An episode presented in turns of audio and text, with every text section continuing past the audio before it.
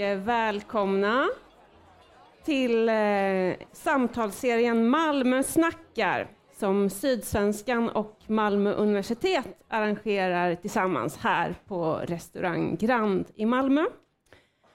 Och idag ska vi tala om klimatet och eh, närmare bestämt vad vi kan tänka oss att offra för att hejda klimatförändringarna och säkra livsvillkoren för oss människor här på jorden. Jag som leder samtalet heter Elin Fjällman och jag är klimatreporter på Sydsvenskan. Och här intill mig har jag fyra personer som har tänkt mycket på olika sätt på vad vi behöver göra nu, egentligen. Och vilka är ni? Eh, ja, hej. Eh, jag heter Kristina Lindström och jag jobbar på Malmö universitet. Eh, och eh, jag eh, är forskare inom designforskning och har jobbat mycket med deltagande och design och under senare år kommit att intressera mig allt mer för hur vi kan jobba med deltagande i relation till hur vi både förstår men också kan bli en del av framtiden på nya sätt. Och det har jag bland annat gjort i ett projekt som heter Hopp och sorg i omställning som kommer att prata lite grann om idag. Och mitt namn är Per-Anders Hillgren. Jag är professor i interaktionsdesign vid Malmö universitet och eh, föreståndare för en forskningsplattform som heter Collaborative Future Making. Och jag heter Tina Kronberg och jag firade min 30-årsdag på Sollentuna häkte i höstas eh, på grund av en eh, motorvägsblockad i Stockholm. Och jag har sedan Tidigare så har jag jobbat som förskollärare, men sa upp mig på jobbet och jobbar nu heltid med aktivismen. Och under den här tiden som jag har eh, varit aktiv så har jag offrat mycket, allt från sociala relationer till eh, ekonomisk trygghet. Och det är någonting som vi kommer att prata mer om idag. Tack. Och mitt namn är Andreas Anderholm Pedersen. Jag jobbar som hållbarhetschef på GIAB Nordic eh, också känd som Godsinlösen. Eh, jag eh, har pluggat nationalekonomi men bara jobbat med miljöfrågor så jag brukar säga att jag är miljöekonom. Har jobbat både ideellt och offentligt eh, på regeringskansliet, på Delegationen för cirkulär ekonomi men nu i näringslivet i ett eh, företag som säger att hållbarhet är vår affär. Så, och det vi gör är att vi förlänger livet på produkter. Så förra året så förlängde vi livet på 264 000 produkter. Vad det betyder hoppas jag vi får höra mer om ja, snart. Eh, välkomna. Välkomna publiken. Ni kommer att få vara med och ställa frågor också genom menti.com. Så fångas de upp här av Sydsvenskans chefredaktör Jonas Kanje. Eh, innan vi sätter igång och samtalar så ska jag bara säga några ord om läget. Det är bråttom nu. Och det är budskapet från FNs klimatpanel IPCC som släppte ännu en stor rapport förra veckan. Eh, de negativa konsekvenserna av klimatförändringarna de syns redan i princip hela världen. Eh, bara för att nämna några exempel från förra året så var det översvämningar i Pakistan som mer eller mindre rev sönder hela samhällen eh, torka på Afrikas horn som utlöste en lång svältkatastrof, torkor i Europa, smältande glaciärer. Nyheterna har, har fyllts av den typen av rapporteringar, eller den typen av händelser. Eh, men, och forskarna brukar säga att det här decenniet är avgörande, att det är det vi gör nu de här åren som bestämmer ödet för människor i hundratals år och kanske tusentals år framöver. Men grejen är att de här varningarna från IPCC är egentligen inte några nyheter. Eh, riskerna med de fossila utsläppen har varit kända för oss sedan 1990-talet. Och ändå har utsläppen ökat på global nivå sedan dess och de fortsätter att öka. Nu vänder jag mig till er här i panelen. Eh, varför har vi människor så svårt att agera, tänker ni? Jag undrar varför våra politiker har så svårt att agera. Varför de har så svårt att börja. Eh, att eh, ta faktiskt de radikala beslut som vi behöver göra i den här eh, katastrofen som vi befinner oss i. Vi vet att vi rusar mot ett klimathelvete. Det säger Antonio Guterres, FNs generalsekreterare själv. Jag, tror att det har väldigt mycket att göra med hur vi fungerar som människor egentligen. Att vi, vi, vi är väldigt dåliga på att vänta på vinster. Vi, tar hellre, vi gör hellre någonting roligt idag än att spara pengar och göra om tio år. Liksom. Och vi, eh, jag träffar ju många företrädare för stora företag. Vi jobbar med Electrolux och Bauhaus, Husqvarna och för några månader sedan så träffade jag Jakob Wallenberg. Liksom, och den känslan jag får när jag träffar de här människorna, det är verkligen att de förstår allvaret. Eh, de vill, men de är just rädda på exakt det här sättet. Att de vågar inte förlora vinst idag, för de vet inte vad som händer i framtiden. Liksom. Så det är någon form av inre mänsklig funktion egentligen som, som gör att det sätter stopp, tror jag. Jag tror att en sak är att det handlar om kunskap. Jag tror det är väldigt många saker vi måste lära oss idag som vi inte kanske är så bra på. Dels måste vi bli bättre på eh, föreställningsförmåga, att kunna föreställa oss helt andra slags framtider som kanske också är bra, men på ett annat sätt än det vi är vana vid.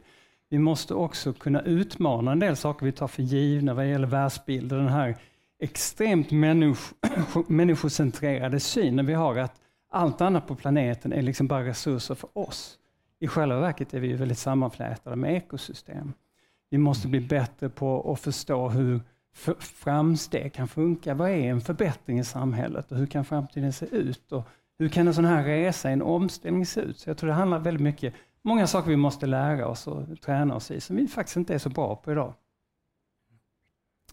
Ja, om jag ska lägga till någonting till det så absolut att kunskap är viktigt, men jag tror också det finns någonting i Eh, att det hela tiden finns ett väldigt starkt krav på oss att vi ska möta problem eller utmaningar med någon slags optimism om att allting kommer att ordna sig. Jag tror det är ganska viktigt också eh, bli bättre på att eh, närma oss eventuella förluster. Det var, hörde för några veckor sedan ordet förlustaversion, att vi är liksom väldigt, det är så väldigt svårt att prata om, men jag tror det är viktigt att göra det för att just i förluster eller liksom förändringar så är det faktiskt också ofta så att man kan hitta någonting radikalt annorlunda som jag tror är... Liksom, och därför är det också viktigt att liksom, ta sig an de sakerna. För att anknyta till det ni, Kristina och Per-Anders, driver ett forskningsprojekt då ni eh, eh, låter människor formulera sig kring klimatomställningen och förändringar. Eh, vill ni berätta lite mer om det? Hur kan det låta och se ut när vanliga människor får visa sina tankar och känslor? Um, ja. Och vad det, vad det är ni gör också. Ja, men precis. Mm. Uh, ja, men vi har det här projektet, eller vi har ett projekt, jobbar i ett projekt som heter eh, Hopp och sorg i omställning eh, och där vi liksom både har jobbat med att eh, undersöka och diskutera vad eh, ja, inställningar till omställningen eh, och specifikt med fokus på eventuella liksom, uppoffringar eller förluster och det sorgarbete som kan komma att krävas i det. Eh, men också då viktig sak i vårt arbete har varit att utforska format för detta, för det är inte kanske någonting som är helt givet. När och hur ska vi göra det? Eh, så har vi ja, jobbat med olika slags, eh, vi har haft en studiecirkel och vi har också haft en slags målarworkshops där vi bjudit in olika grupper, byalag och ja, men också mer öppna inbjudningar att helt enkelt träffas och ha en slags målarworkshops där vi haft en väldigt enkel inbjudan att man ska ta med sig någonting som man eh, tror att man kanske eventuellt kommer sakna i, eh, i framtiden eller någonting som man är redo att släppa taget om eller någonting som man kanske vill hålla fast vid. Och då har det varit allt från väldigt, väldigt sådär kanske till en början lite banala saker som kaffe, färska tomater och sånt. Men att ofta i de här diskussionerna så har det också lett till mer liksom, existentiella frågor eh, där det kanske inte det viktiga är den där liksom, tomaten som sådan eller resan, eh, men kanske mer också liksom en förlust av en viss idé om framtiden som liksom någonting stabilt eller eh, någonting positivt. Och det, det, är ju ganska intressant, för det, det, finns ju forskare som menar att generellt, eh, liksom många människor förtränger de här frågorna, för de är ganska jobbiga att vara i. Och på en busshållplats kanske man pratar ett par minuter om klimatförändringar, sen blir det så jobbigt så man byter samtalsämne. Men under de här målarworkshopsen så har folk faktiskt, um, vi har ju hållit på i kanske en och en halv, två, tre timmar och alla har uttryckt otrolig uppskattning över detta. Det är liksom väldigt värdefullt. Så någonstans om man vågar ta sig in i det och har forma- format för att kunna göra det, så tror jag faktiskt många människor ändå också känner att det, här, det är ju det här som också eh, banar vägen för nya idéer. Mm. Ehm, det var ju folk som bodde på landet och hur ska jag klara mig utan bilen? Men jaha, men då kanske jag måste skapa kontakt med mina grannar och hitta något sätt att samåka. Men det kanske är bättre än hur jag har det idag. Så på något sätt leder det här tankearbetet vidare också till något som är mer hoppfullt. Jag tror jättemycket på det här att liksom stirra sanningen i vitögat, men sen måste man ju såklart vara konstruktiv. Vi vill ju förändra det till det bättre. Eh, och, och, och det jag saknar idag är ju att det här andra då, omställningen, det vi ska liksom sikta mot, vad är det och hur hittar vi mening i det? Det saknar jag jättemycket i debatten, för att jag kan känna, Mm. apropå temat idag, att eh, många människor får ju just ångest för att det handlar mycket om eh, allt det negativa som kommer hända. Vi kommer dö, jorden kommer gå under. Vi, vi, jag tycker heller inte att vi ska, jag kanske är optimisten här, liksom, men jag tycker att vi ska inte fastna i det heller, utan vi måste också visa på det handlar inte om att välja bort, det handlar om att välja annat. Och vi måste fånga det här andra och fånga det meningsfulla i detta och lyfta fram de alternativen för människorna som har svårt att ställa om. I, tycker jag. Mm. Ja, jag håller helt med om det som ni säger eh, på många sätt. För Det är viktigt att vi vågar prata om de här sakerna, för det är tungt. Det är, det är fruktansvärt. Men vi kan inte bara prata om att vi ska göra annorlunda. Vi måste också börja agera. Och det är dit vi måste komma, för att så här, vi har inte tiden.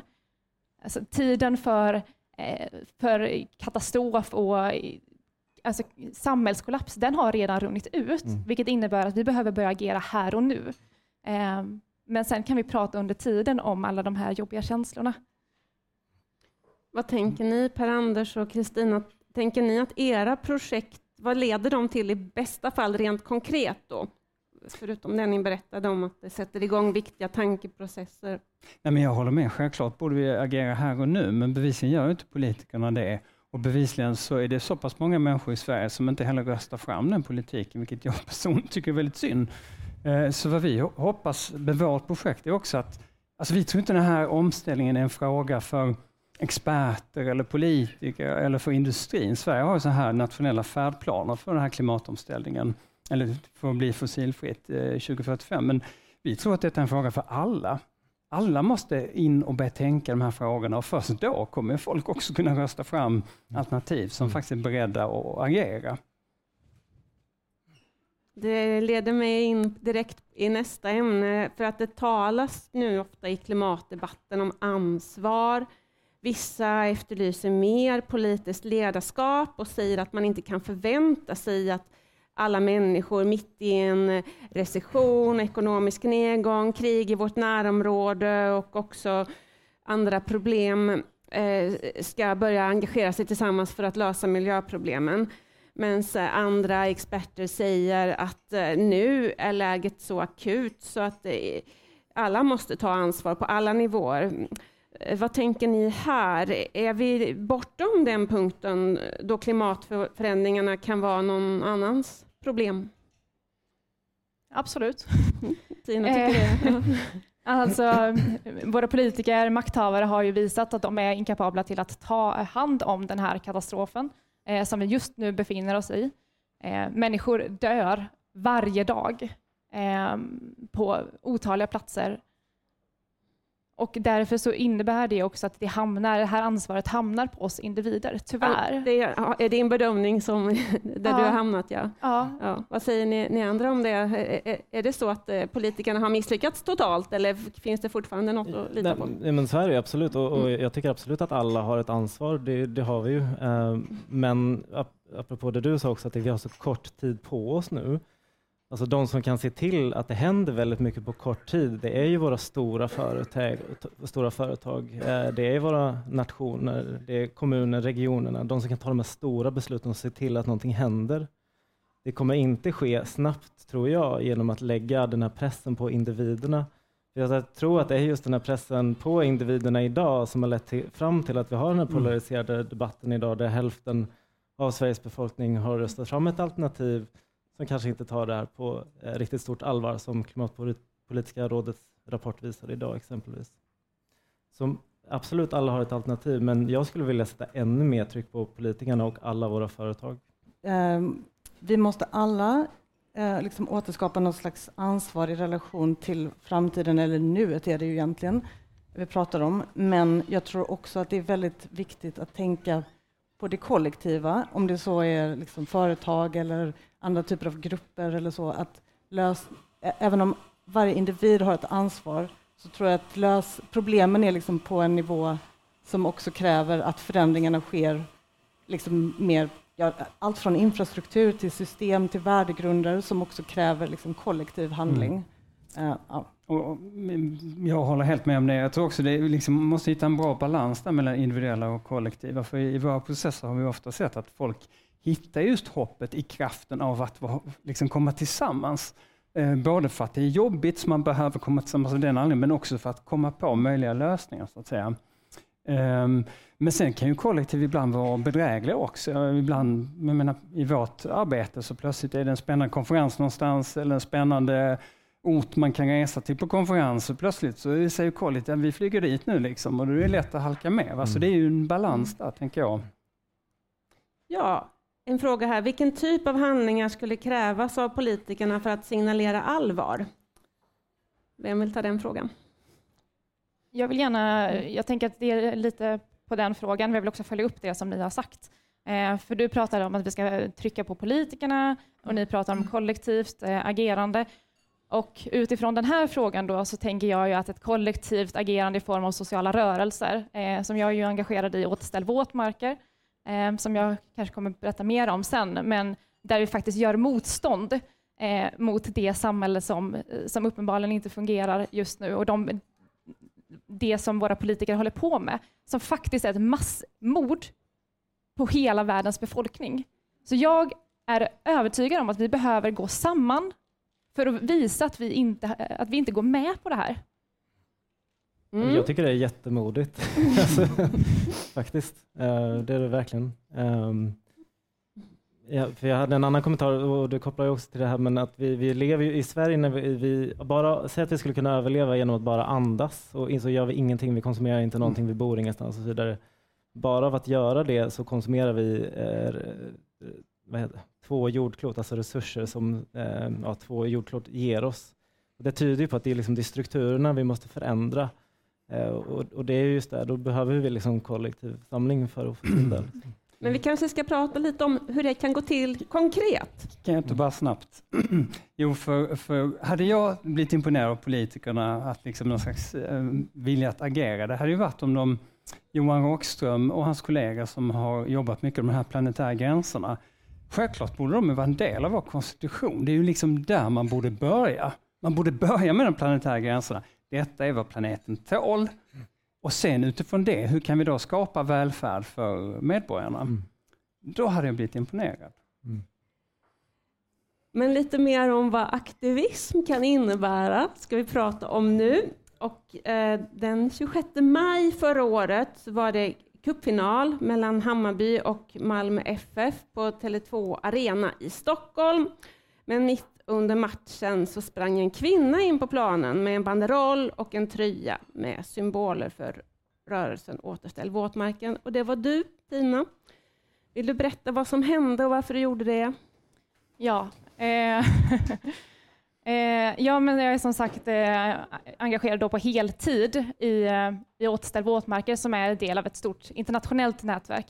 Ehm, och, och då valde vi att eh, gå in på den här eh, cupfinalen. Eh, jag var supernervös kan jag säga. Ehm, men det har ju också i efterhand så har det ju också genererat att vi får prata mer med media, vi får Eh, alltså, vi, vi har ju lyft den här frågan om våtmarker genom att göra den här typen av aktioner. Eh, och vi vet ju även de här motorvägsblockaderna som vi har, som vi har gjort. Jag ville eh, säga något om dem, vad är det ni gör på motorvägarna? Under väldigt eh, lugna, eh, välplanerade omständigheter så väljer vi att eh, blockera eh, rusningstrafiken i Stockholm. Eh, och det handlar ju om att vi, vi behöver göra motstånd mot det, eh, mot det som våra politiker håller på med. För att jag och alla vi som lever här kommer att drabbas av klimatkatastrofen inom, inom min livstid. Och jag är 30 år. Och därför så måste vi göra det här motståndet. Eh, och det här är då ett, ett sätt att göra det på. Vill du säga någonting om reaktionerna som du fick i matchen och vilka reaktioner som du har fått, kanske från bilister till exempel? Mm. Um, alltså det, har, det är ju väldigt blandade eh, reaktioner, eh, så är det ju verkligen. Det finns mm. de som blir eh, som, som verkligen peppar och tycker att det vi gör är bra och är glada att det är någon som faktiskt vågar stå upp för det som är rätt. Eh, och sen så finns det såklart de som tycker att det vi gör är fel och blir eh, fly förbannade. Eh, och vad händer då? Eh, på motorvägen tänker du? Ja, till exempel. Eh, ja, men det kan ju vara så att vi, att vi släpas bort och sådär. Men det är inte det som är det viktiga, utan det viktiga är varför vi gör det. Ehm, och det handlar ju om att det är människor som dör dagligen. Men ni släppas bort och, och har också blivit gripna av polisen och som du säger så har du eh, suttit i häkte och är misstänkt för sabotage. Sabotage. Ja. Stämmer. Eh, varför är det rätt att bryta mot lagen? Alltså jag, jag undrar egentligen så här, vad, är det som, vad är det som ger våra makthavare, våra politiker rätt att fortsätta? Eh, alltså de, de testamenterar död till våra barn. Jag undrar vad det är som ger dem rätt att göra det. Alltså vi, som jag sa, vi, kommer att, vi drabbas. Alla vi kommer att drabbas. Även här i Sverige kommer vi att drabbas. Och jag, kan inte, jag vill inte ens tänka på att med mina syskon eller kusiner ska leva under en social kollaps. Och det är dit vi är på väg. Där sjukhus inte fungerar, där skolorna är stängda. Alltså, ekonomin har totalt kollapsat. Och våra hyllor på ICA exempelvis, de kommer inte vara fyllda med dyr mat som det ser ut nu, utan det kommer vara tomt. Och nu talar du om den eh, uppvärmning som vi är på väg mot om ingenting mer görs och samtidigt så säger ju till exempel FNs klimatpanel att de tekniska och ekonomiska lösningarna finns där fortfarande för att hålla den här 1,5 graders uppvärmning och att det skulle kunna vara möjligt, att vi har tekniken och kunskapen för det egentligen. Men då handlar det också om att vi behöver agera på det. Vi, mm. behöver, vi kan inte säga att det finns och sen inte agera, utan vi måste mm. också faktiskt börja komma till handling. Och då är eh, det här motståndet, sociala rörelser, mm. för jag tror att det är viktigt att vi kommer tillsammans, att vi arbetar kollektivt. Jag tror att det är enda sättet. Ni får ju också kritik ibland för att eh, att ni väcker ilska och det ifrågasätts som om det, när, när människor blir arga kanske när de inte kommer fram med bilen och blir jättestressade eller får något, en älskad fotbollsmatch störd eller så, mm. att, att ni inte får fram ert budskap genom att göra så, att ni gör er själva en, en björntjänst. Vad svarar du dem? Som jag sa, jag förstår verkligen liksom att människor blir arga, men jag är också, jag är också arg. Mm. Eh, arg över att våra politiker inte agerar, eh, utan faktiskt aktivt väljer att fortsätta eh, på det sättet som de gör. Alltså de, nu bara en, i klimatbudgeten, de har, ju, de har ju totalt slaktat den med nästan 60 procent på tre år. Vilket innebär att de, de väljer, de aktivt väljer att fortsätta öka utsläppen. Ja, men samtidigt så har ju den, regeringen behåller ju klimatmålet och står ju fast vid det, säger de. Så det får vi utgå från att det är det budskapet som, som gäller i alla fall. Eh, men vad säger ni andra? Är, tycker ni att det skulle ni eh, klistra fast det på en motorväg kanske? Eller varför inte? Och vi fick också in en fråga här som ni kan grunna lite på eh, från publiken om det är rätt att sätta klimataktivister i fängelse. det finns liksom inga ideologiska hinder för mig att, att vara aktivist. Um, och som, det finns ju många människor som har en bild av eh, forskare och forskning som någonting liksom helt neutralt och objektivt, men all forskning, det finns antropologer som studerat forskning, det är nästan alltid finns det olika politiska agendor och inte minst är det hur mycket forskning som helst som får pengar för att fortsätta stärka eh, liksom den ekonomiska tillväxten, vilket i sin tur då genererar en del av de här problemen. Så Nej, det är liksom inte neutralt som det är nu. Um, så på det sättet, jag har inga liksom, hinder alls att vara aktivist. Um, Och vad, vad är det skulle hindra dig från att göra en sån här grej? Då, att, eh, Just nu är det nog bilen. bara praktiska saker också rent med mina barn och, och liksom vara borta från dem då om jag skulle sitta i häktet och så. Men ehm, jag skulle till, absolut kunna tänka mig att bli trädkramare. Precis, jag, jag tänker att det är liksom så här, vi, vi kanske är olika, vi fungerar på olika sätt som människor. Jag tänker, jag, jag har inte de nerverna. Jag tror, jag tror inte jag skulle klara det. Mm. Eh, någon gång kanske, jag, kanske, men jag är mer en liksom, jag ser mig mer som en som vill reforma systemet inifrån snarare än att göra revolution. Liksom. Eh, men absolut, eh, men om jag känner att, jag antar att om man känner sig tillräckligt hotad så då tror jag alla människor kan hamna där. Att man tar till den typen av eh, aktiviteter. hur är det att göra en sån grej? Då? Andreas säger att han inte har nerverna. Vad, hur Mm. upplevs det? Eh, ja, nej, men alltså jag vill ändå säga att så här, jag har jobbat med det här nu i, i ett år, men så här, den, första aktionen, den första aktionen som jag gjorde Mm. innan dess, alltså jag var, så, jag var så rädd. Jag visste inte vad jag skulle ta vägen. Alltså jag, jag trodde på riktigt att jag skulle dö. Mm. Så rädd var jag. Jag var så rädd att jag satte mig ner och skrev ett avskedsbrev. För jag trodde inte jag skulle komma hem igen. Att du skulle bli påkörd av Ja, en bil? ja. Mm. Eh, så att jag, jag satte mig ner och skrev ett avskedsbrev. Eh, för jag trodde inte jag skulle få träffa min mamma eller mina syskon igen. Eh, så att det är, jag får ofta höra att så här, ja, men du är modigare, modigare än jag. Men det är också ett sätt att så här, skjuta över allvaret eh, och skjuta över hela mänsklighetens existens på någon annan. Mm. För jag är också rädd och det är, det är helt rimligt att vara rädd. Men vad tror ni andra? Tror ni att det hjälper? De här aktionerna som till exempel Återställ våtmarker gör? Är det effektivt?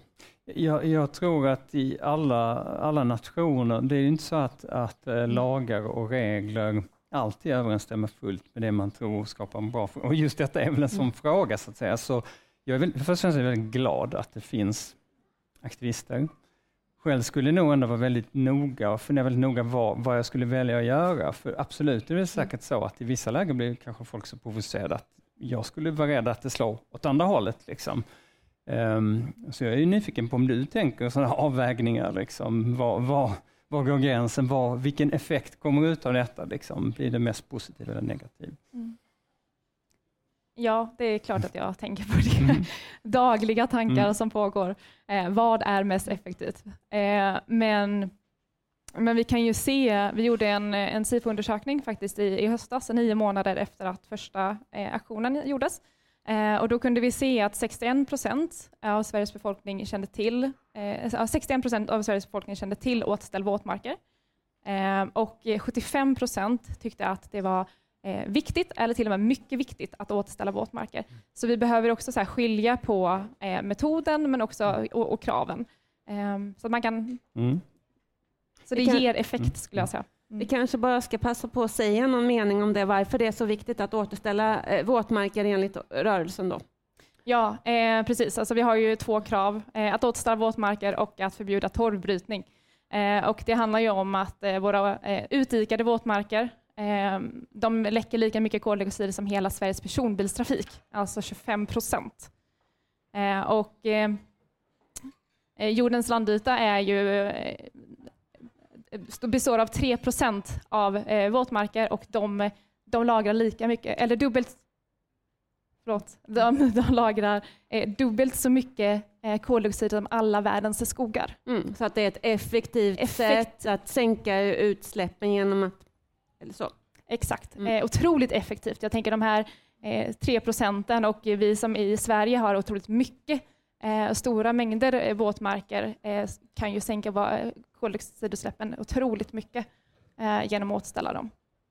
Ja, nej, ehm, eh, din, din fråga om, ehm, om, om det är bra eller inte, alltså jag, jag tänker som alla grejer att det finns ju positiva och negativa delar i, i det. Och, ehm, en positiv grej är att det var säkert jättemånga som har liksom googlat våtmarker efter det här och att det lite sätter upp det på, på agendan. Eh, men där, där kan jag känna att svårigheten i Mm så här, den värld jag befinner mig i och liksom pratar med kapitalförvaltare och, och, och så vidare de har precis lärt sig om klimatet. Liksom, alltså bara tänka att allt, och, det, och det här är också en mänsklig brist, att de tänker att allt, hela lösningen är CO2. Liksom, och att, vad menar du med hela lösningen är CO2? Jag menar att hela lösningen handlar om att vi måste minska vårt eh, beroende av fossila bränslen. Jag tänker att det, mm. omställningen är bredare än så. Eh, vi vill ju gärna liksom prata biologisk mångfald och då är det många som bara, nej, nej tack. CO2, det är det som gäller. Nu ska vi energieffektivisera och Och varför är det så viktigt att till... blanda in biologisk mångfald då? För det är ju det här andra hotet som mänskligheten står inför som också riskerar att utrota liksom, förutsättningarna för liv på planeten. Liksom. Um, så det är ju, och vi står inför många mm. hot som, som jag egentligen ser har, det finns en gemensam grund i det och det är liksom människans eh, omättlighet. Att här, vi, mm. Nu driver vi vårt eh, samhälle idag eh, med fossila bränslen liksom, och så bara suger vi ut så mycket vi bara kan. Liksom. Mm. Och så vill vi ställa om till en klimatneutral neutral framtid, om då gör vi det genom att bygga vindkraftverk och mm. solceller och så ska alla ha elbilar. Och då suger vi ut alla liksom, metaller och mineraler istället. Liksom. Så det är samma logik. Mm. Som bara, mm. liksom, vi löser kanske ett problem men vi riskerar att gå under av ett annat. Liksom. Så. Um, men och, och kopplat till, till att göra den här typen av aktioner, jag tänker det negativa i det är väl att är ju just den här polariseringen, tänker jag, att, att det, debatten är så pass polariserad idag att det finns så extremt många människor som är svåra att nå. Um, och, och, en, en, den här typen av aktiviteter tror jag bara riskerar att förvärra alltså blir ännu svårare att nå dem framåt. Hur förvärra? Vad kan hända i värsta fall menar du? Ja, men då röstar man på alternativ som, som kanske inte vill driva en, en eh, bra agenda för en hållbar omställning. För att man blir arg? För, man blir arg, exakt. Mm. Jag, jag, tror att man, många känner sig arga idag för att man, mm. liksom, man går på ens eh, val, så här, vad, man äter för, vad man äter, hur man reser och så vidare. Och vi är alldeles för dåliga på att visa och, och, vad är värdet i alternativen till detta. Mm. Vad, ja. Men... Jag tänkte bara fråga, så, här, så du tänker att någon som tycker att eh, det är viktigt med klimatet och går och tänker på det, eh, sen ser att ja, men nu har våtmarker blockerat en motorväg och sen går och röstar eller går och tycker någonting helt annat? Nej, jag, jag tänker de som, de som redan är skeptiska och ser den typen av aktioner, det riskerar att bara liksom fördjupa deras skeptiska eh, känsla kring det hela, kring omställning. Men har du någon ja. förståelse för det Tina, den känslan av stress och frustration som man kan känna om man kanske ska fram med bilen och att det kan vara jobbigt och, och, och kännas så onödigt att ni sitter där? Självklart förstår jag att så här, människor kan bli arga och frustrerade när de sitter där. Mm. Eh, men problemet är att här, vi behöver inte, vi, vi, vi, kan se liksom i, tidigare i sociala rörelser att den här debatten Eh, och den polarisering som vi faktiskt skapar genom de här aktionerna är otroligt viktiga eh, för att få fram det, det, som faktiskt är allvaret i den här situationen. Alltså, vi befinner oss i en, i en katastrof. Vi är den sista generationen som faktiskt kan få, få, få ett stopp på makthavarnas dödsprojekt. Men där är jag, ändå, jag är lite nyfiken nu när vi pratar och ni är eh, fyra personer som eh, bryr er jättemycket om frågan, kritiska till politiken. Hur kommer det sig att ingen av er är engagerad i ett politiskt parti då och, och driver frågan på det sättet? Så frågan om här, varför är vi inte i politiken eller varför är jag inte aktivist? Alltså, det är lite som så här, ska vi välja mellan eh, klimatfrågan eller biodiversitetsfrågan? Jag mm. tror att alla de här sakerna behövs. Jag tror att aktivism behövs, men jag tror också att utbildning behövs. Jag jobbar på universitetet och jag hade kunnat göra många olika saker. Men jag känner också att det är meningsfullt där jag är. Uh, så det är inte så att jag inte ser att politiken hade kunnat vara viktig för att jag inte är där själv, utan mer att jag tycker att det behövs många olika saker och just nu så tycker jag att jag att det känns meningsfullt det jag kan göra både som, liksom, eh, som i undervisning och forskning. Eh, men absolut. Lite komiskt, efter att ha hållit en, en, en, ganska stor föreläsning en gång i Danmark så fick jag just den frågan. Du har inte tänkt på att starta politiskt parti? Jag blev liksom, ja.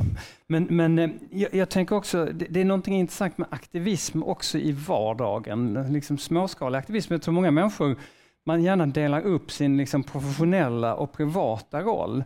Men jag tror många människor jag möter idag både som jobbar med social hållbarhet och ekologiskt, på något sätt blir det att liksom deras privata agenda och arbetsagenda går samman. Så på något sätt är många, de, hack, de är lite aktivister inom mm. sin arbetsplats, försöker hacka lite i väggen, skapa lite mer utrymme.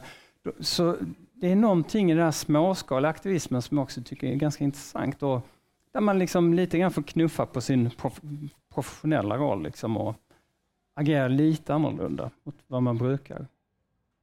Mm. Jag tror att jag har svarat på det här tidigare, men eh, det finns inte en chans att vi inom det politiska systemet kan lösa den katastrofen som vi befinner oss i just nu. Och våra politiker har visat sig i decennier varit oförmögna att hantera katastrofen. Och därför så väljer jag att istället engagera mig i en social rörelse för att visa att jag inte går med på det här. Och du Andreas, du har provat lite olika. Ja, nej, jag har jobbat i politiskt mm. eh, styrda organisationer både här i Malmö och mm. eh, nationellt. Eh, och, men att, att jag, för mig är det uteslutet att engagera mig politiskt för att det, i alla fall idag, utifrån hur det ser ut, eh, eftersom det är väl alldeles för, um, jag tycker det är alldeles för konfliktfyllt. Det är, liksom, det, det är sandlådenivå på alla debatter. Um, det finns liksom in, väldigt lite eh, väldigt lite konstruktiva dialoger, i alla fall ut mot oss eh, som liksom lyssnar på, på alla debatter. Och Det är en, en, stor anledning till att jag har rört mig mot näringslivet. Att så här, här, gud, här finns det verkligen människor som vill jättemycket, som är jätteengagerade och vill hitta massa lösningar. Sen absolut, ibland kan det eh, slå över till en sån naiv tech-optimism. Liksom. Men eh, det händer jätte, jättemycket spännande saker och människor som vill förändra och, och det lockas jag av där. Liksom. Och det är också en form av aktivism. Mm. Liksom. Människor som vill både förändra genom att starta en startup eller förändra de här stora jättarna till företag. De aktivisterna finns också, absolut. Men du kanske kan ta en publikfråga som kom in här på det ja. temat. Eh, hur kan arbetsgivare underlätta för aktivister? Det var så du som är företrädare ja, näringslivet nej, här. Visst, visst, jag är också arbetsgivarföreträdare. Mm. Nej, men eh, jag tänker att eh, så som vi gör, eller mm, försöker vara väldigt öppna med, är ju att ta in input från alla anställda. Att liksom skapa ett, ett arbetsklimat där det är okej okay att säga allting. För, och när, när människor känner sig trygga att vara öppna, då kommer det kanske bra idéer som möjliggör för oss som arbetsgivare att förändra oss till det bättre, liksom förändra våra rutiner, hur vi arbetar. Men skulle det vara okej okay för din VD till exempel om du var en del av Återställ våtmarker, tror du? Ja, bra fråga. Uh, alltså så, så, så, länge det inte stör vår uh, affär, absolut. Tillväxt. Mm.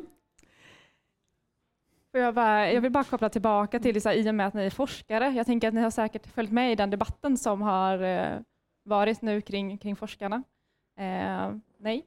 Eh, det var ju en, en, forskare som, som startade igång det här eh, från Återställ våtmarker som var inne på Melodifestivalen eh, under Loreens eh, framträdande. Eh, och det har ju skapat, och det har varit jättemycket diskussioner kring det här i Sydsvenskan bland annat. Eh, och som också skriver då att, eh, att forskarna eh, får mer förtroende genom att göra faktiskt den här typen av aktioner och ta ställning i de mm. frågor som, som rör deras, mm. eh, deras forskning. Jag, jag, är intresserad av liksom hur, hur, ni har, hur ni har tänkt kring det. Alltså internationellt um, så tänker jag att absolut alla de forskare som jag bryr mig om och har respekt och förtroende för skulle i sin tur inte ha alls problem utan kanske tvärtom om jag hade gjort någonting sånt. Men det kan finnas andra strukturer inom universitetsvärlden som kanske, vi gör inte affärer, men det finns också plötsligt, plötsligt kan vissa frågor bränna till där också och anses vara som sagt för icke-neutrala. Mm. Så det är inte helt oproblematiskt.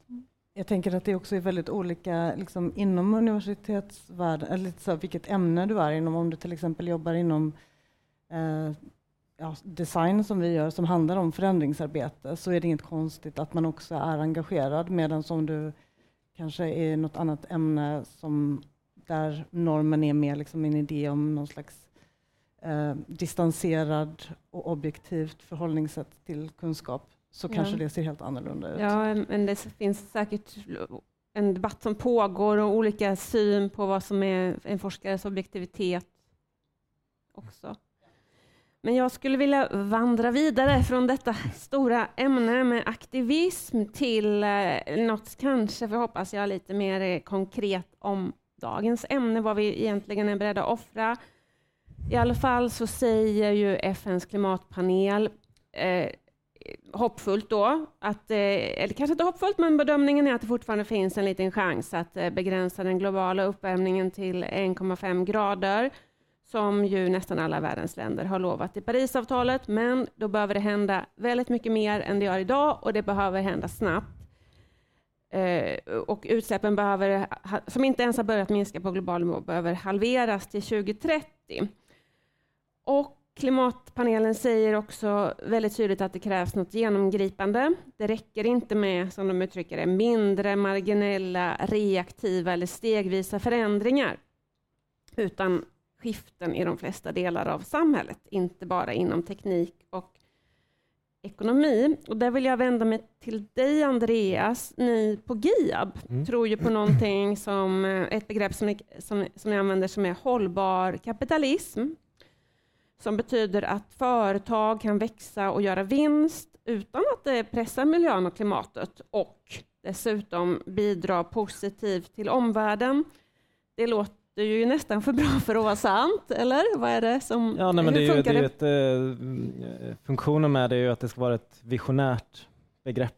Eh, och, och, men jag, jag kanske, Så jag, det är för bra för att vara sant? nej, det, men det är väl viktigt med riktning, tänker jag. Nu- alltså jag tittar uppåt för att vi ska ha en gemensam riktning. Eh, nej, men, och jag kanske ska berätta lite kort om vad vi gör på G, för det har jag inte gjort. Gärna. Eh, vi, vi brukar säga att vi jobbar med cirkulär ekonomi i praktiken. Vi jobbar med återbruk. Vi vill industrialisera återbruket i Sverige.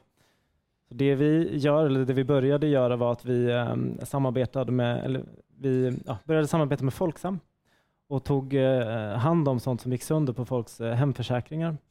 Så istället för att försäkringsbolagen betalade ut en kontantersättning till försäkringstagarna och där antagandet är att ja, då går de, tar de de pengarna så köper de bara en ny produkt så skickades de produkterna in till oss, vi reparerade dem och skickade sen tillbaka. Så vi förlängde livet på produkter och förhindrade ny produktion. Eh, här hanterar vi egentligen allting som kan gå sönder hemma hos folk, alltså allting som omfattas av hemförsäkringen, eh, men väldigt mycket telefoner egentligen eh, Eh, och datorer, surfplattor, eh, mycket designmöbler, designkläder, mycket storskador. Det kan brinna i en Elgiganten-butik eller ett ICA Maxi-butik. Eh, med samma kärna så valde vi att tre eller fyra år sedan kanske satsa inom ett område som vi kallar för re-commerce.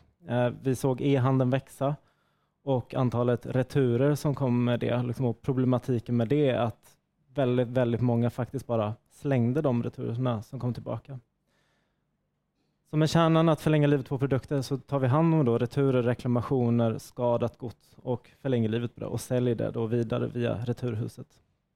Och när vi pratar hållbar kapitalism eh, så är ju det ett sätt att, eh, absolut det är visionärt, men det, det är också så, jag vill hävda att vi arbetar. Eh, du pratade om min VD innan, att han, han beskriver sig om en sån, som en sån ultrakapitalist. Liksom. Eh, och så kommer det ett så här, möte med mig som, alltså i kanske hans värld, jag har varit aktiv inom Naturskyddsföreningen och, och Är jobbat det radikalt i hans Ja, det, ja absolut. Det, det skulle jag säga. Men, men det, det, är det är exakt det som jag tycker är så himla eh, fint med det mötet. För han, med all sin kreativitet och liksom sin förmåga att få saker att växa, är ju helt såld på det här nu. Han liksom går in all, med all sin energi och, och, och eh, kraft att just försöka förändra. Och Det här är ju en av hans idéer. Han har också ma- många andra idéer. Så att det, är, det är roligt för mig att liksom gå in och så här, trigga honom. Tror att det går att göra en affär här. För att det hållbar kapitalism då handlar om är ju att vi behöver göra affärer inom planetens gränser, inom de planetära gränserna. Planeten sätter ramarna för vad vi har möjlighet att göra. Men det jag undrar lite, gör ni verkligen det? Jag har ju också varit i Ja. Returhuset och, där, eh, och sett lite grann vad ni, vad ni säljer och det är ju massa varor Mm. som annars skulle hamnat på soptippen. Mm. Så det, ni förlänger Mm. livet på varor, men löser ni roten på problemet? Nej, nej det, det gör vi inte. Och för oss är det ju på ett sätt enkelt att säga att hållbarhet är vår affär, för vi löser ju ett systemfel. Så, så är det ju. Liksom. Men, men vi vill ju ta... Vad menar du med att ni löser ett systemfel?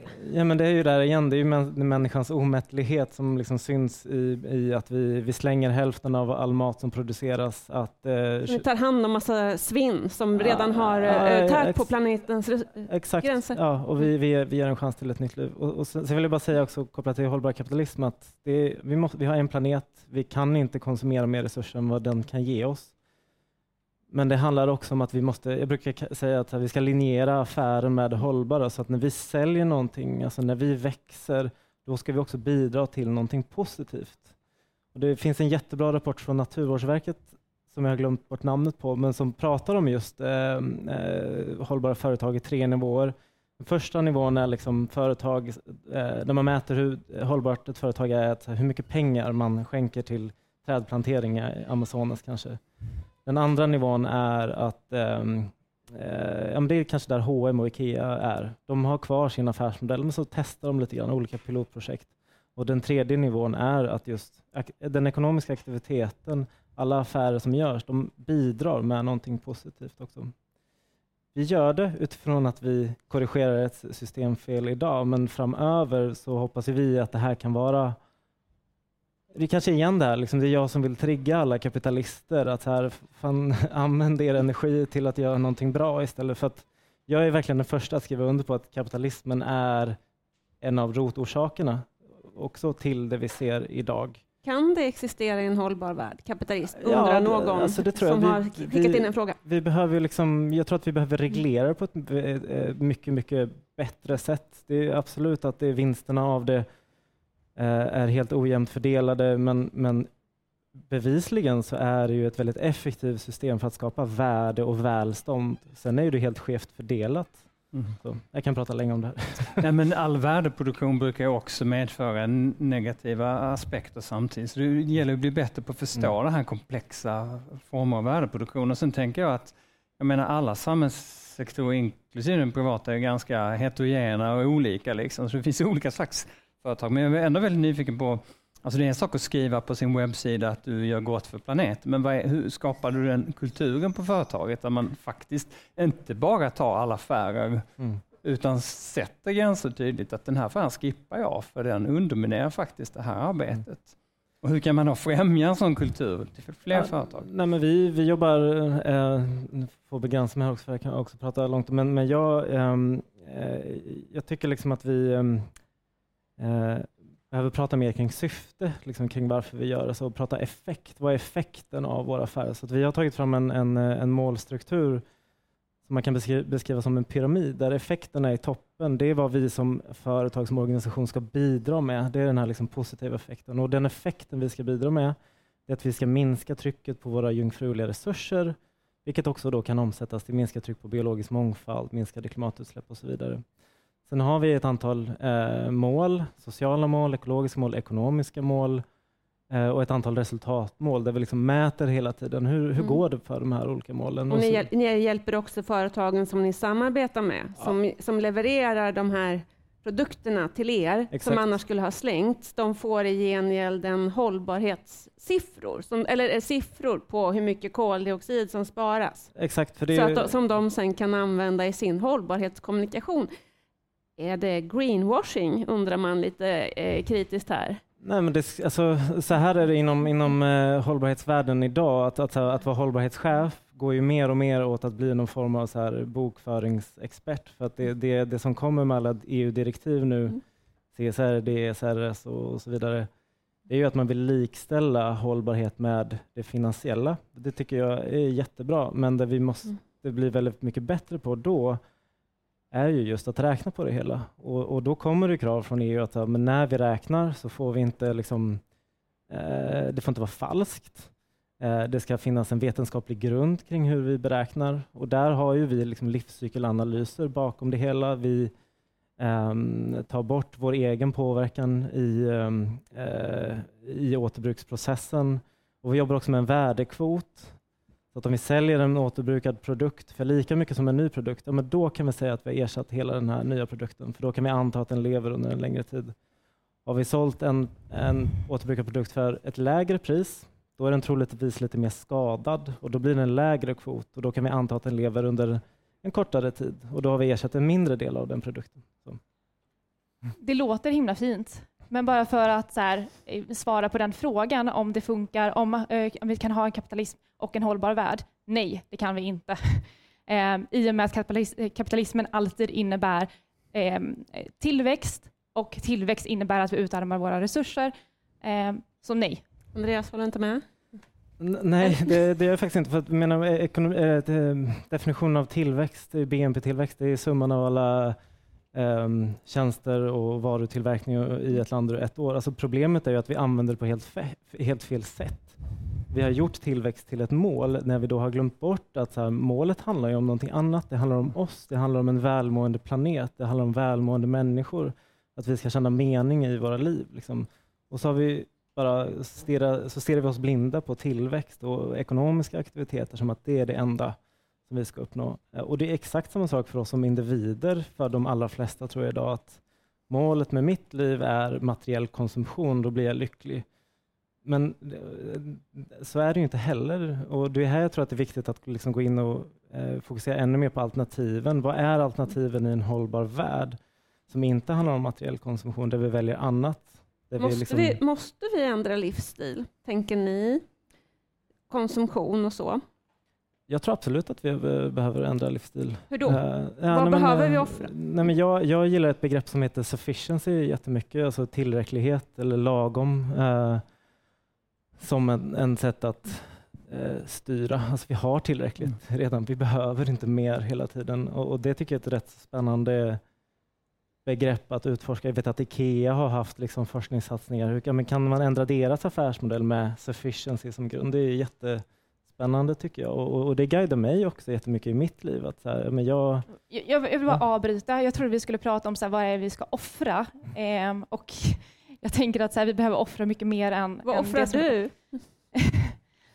som jag sa, alltså jag, under den tiden som jag har jobbat som eh, eller arbetat med liksom, eh, ja, som aktivist, eh, så har jag offrat men delvis den ekonomiska tryggheten. Jag jobbade som eh, förskollärare i flera år, hade en god ekonomi eh, och det är ju någonting som vi liksom under hela livet eh, kämpar för att, för att få, för att ha den där tryggheten. Och det har inte jag längre. Utan jag jobbar gratis varje dag för det här. Men också sociala relationer mina, min familj de tycker inte om det som jag gör, de håller inte alls med. De är helt inne på ett annat spår än vad jag är. Och vad, vad betyder det för era relationer i familjen? Um, alltså mina två småsyskon, de eh, som är 16 och 22, de, de pratar inte längre med mig. Uh, de har helt sagt upp uh, relationen med mig och det, det, det är fruktansvärt. Men jag måste ändå göra det här jag måste ändå fortsätta, för det här är för deras skull. För jag vill att de ska ha ett gott liv. Jag vill att de ska kunna liksom ha en framtid som de kan se fram emot eh, och inte, inte leva eh, under, under svält, under liksom, naturkatastrofer efter naturkatastrof. Utan jag vill att de ska, de ska ha ett gott liv och därför så måste jag fortsätta. Och därför så är det också värt det. Vad tänker ni om det? Som det Tina helt, säger. Ja, det är, är, det, är det nödvändigt att, att...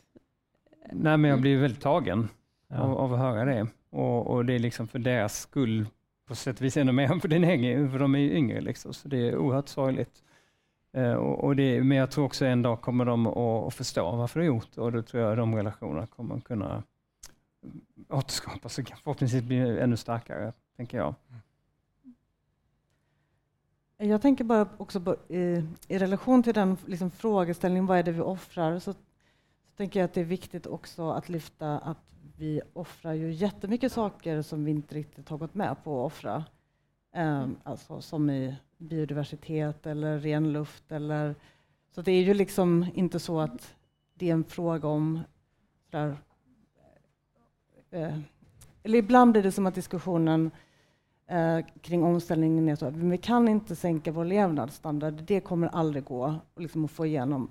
Här, ja, fast det är det ju många som gör oavsett om de har valt det eller inte och vi kommer också hamna där. Så det, är liksom, eh, det tycker jag är viktigt att lyfta. Och sen har inte jag liksom några så starka berättelser om vad jag själv väljer att offra, för jag tänker att det eh, liksom är kanske lite den skillnaden, eller att det är viktigt att se på de sakerna man ja, vi offrar oavsett om vi vill eller inte och de vi väljer. Mm. Men jag tänker det är ändå viktigt att börja tänka på det och prata om det. Och för exempel mina, mina barn är, är födda i eh, Colombia och adopterade. Och, och mm, vi brukar inte flyga jättemycket i min familj, men självklart skulle jag vilja liksom resa dit. Men kommer jag då kommer jag göra det en gång?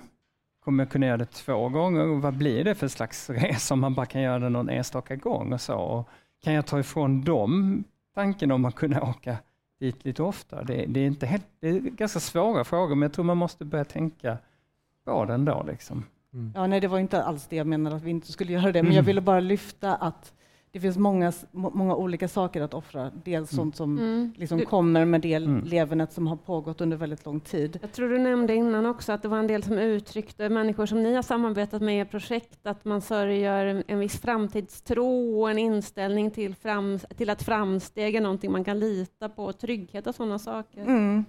Ja men precis, det har ju varit eh, väldigt starkt och också i, i, samtal mellan olika generationer att, ehm, eh, att det kan vara, inte så att jag ville säga så mycket om äldre gör si eller så, men att det är en ganska stor skillnad på att till exempel sluta resa om man redan har haft chans att resa jämfört med om man är 18 mm. och har, det, har sett det som någonting man har framför sig. Mm. Att det är en skillnad i de mm. eh, liksom, det är lättare för oss att sluta flyga som har haft privilegiet i mm. många år att kunna mm. göra det. Jag, jag håller helt med. Det är, det är fruktansvärt orättvist. Mm. Eh, absolut. Eh, och jag menar, jag, jag håller med. jag har haft möjligheten att, att resa och, och, göra alla de där sakerna som många andra inte kommer att ha. Men vi ska också tänk, komma ihåg att det är inte en rättighet att flyga. Det är inte en rättighet inte. att ta Nej, oss till, mm. till, till, andra platser. Nej, men jag bara ehm, menar men, att, ja. att, man ska liksom bara komma ihåg att det är olika utgångspunkter mm. uh, som kan vara viktiga att ta på allvar. Sen betyder inte det att man har som en rättighet att, att flyga runt hela jorden, absolut inte. Uh, men det är ändå en, en, liksom en, känsla som man kan få ta på allvar. Absolut. Mm. Ja, nej, men jag, jag blir också jättetagen eh, av, av det du säger. Och, um, nej, men jag har tänkt, eh, sen jag fick höra om temat på det här, så har jag tänkt mycket på det. Om jag, om jag offrar någonting, och det är uppenbart att jag inte offrar vissa saker som jag skulle kunna offra. Um, men jag tror också att för mig så handlar det väldigt mycket om att um, hitta en riktning igen. Liksom. Nu pratar jag syfte, mening igen. Liksom att så här, ja, jag vill leva ett hållbart liv. Jag, jag väljer bort vissa saker, men det gör, jag gör det för att jag tror på det. Och med jag, eh, när jag väljer att resa mindre, det, då jag känner inte att jag offrar någonting, utan jag gör ju det för att jag känner att det är meningsfullt. Liksom. Och det, det, är liksom det, det är den storyn vi måste, jag tror att vi måste liksom eh, börja bygga. Och det, och det är där jag tror att vi kan få, få med oss fler människor. Att vad är det meningsfulla i att välja det här andra som inte är normen idag? Mm.